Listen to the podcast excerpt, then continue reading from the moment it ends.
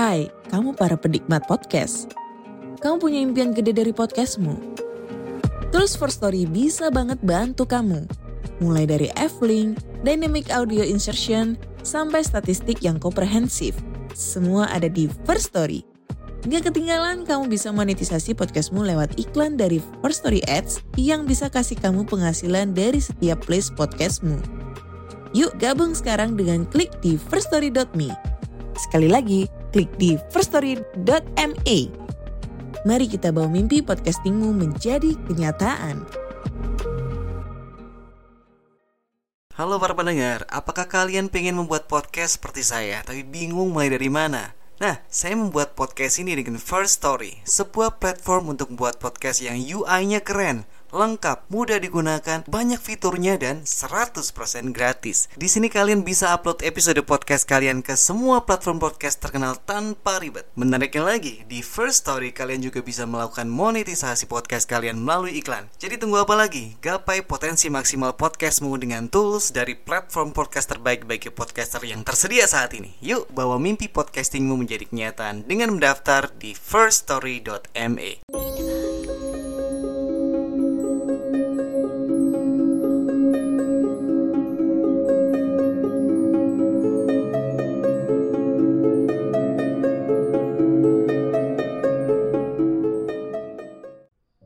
Halo, selamat datang dan selamat malam. Saya Denny, narator di Rumah Indonesia menyapa kalian semua sobat RAI. Apa kabar? Semoga kalian sehat, banyak rezekinya, lancar segala urusannya. Nah, pada malam hari ini saya akan menceritakan sebuah kisah yang ditulis oleh Mas Herbangun dengan judul Ketempelan Jin Wanita. Tahun 2015 gak akan gue lupain. Saat itu gue masih pacaran sama istri gue. Walaupun demikian, biar gampang, pokoknya wanita ini kita sebut sebagai istri gue, gitu ya. Istri kerja di restoran sushi di BSD. Suasananya alam pinggiran sungai Cisadane. Bentuk restorannya outdoor gitu. Pas hari itu, istri kebetulan shift pagi. Selesainya jam 4 sore. Dan jam setengah lima, gue udah standby di parkiran untuk jemput dia. Tapi istri ada kerjaan tambahan dan dia harus ngaret sejam. Alhasil, gue nungguin dia. Pas lihat jam di dashboard mobil tepat pukul 17.40. Yang gue ingat udah mau maghrib. Istri gue datang dan buka pintu. Dia masih kesel karena sebelumnya ada ribut kecil. Kamu masih marah? Enggak, biasa aja. Itu jawabnya. Itu masih diem aja. Enggak kok. Lapar nih. Katanya dengan ketus. Ternyata kita masih berdebat masih ngomel-ngomel gitu lah nggak jelas di dalam mobil. Pas tepat maghrib, istri gue ngancem mau balik sendiri naik ojek. Saat itu udah terdengar suara azan di mobil. Gue kemudian narik istri sambil minta maaf dan ajak ngesuk ke mobil. Dia masuk mobil dengan muka kesel. Biar nggak misinformasi kita pertebal ya. Jadi tadi kan di mobil mereka saling ngomel gitu ya, pokoknya berdebat. Terus istrinya ngambek, istrinya ngambek terus keluar dari mobil makanya dibilang diajakin lagi masuk ke dalam mobil apalagi udah maghrib gitu kan kembali ke cerita untuk mencairkan suasana, gue tawarkan makan di mall di BSD yang terkenal, mall baru dan baru beberapa bulan buka dan lagi hits banget. Makan yuk, di mall ini lagi rame loh di sosmed. Istri gue menjawab, gak mau. Loh kenapa? Di sana ada ramen yang enak nggak mau ah ih kamu kok gini sih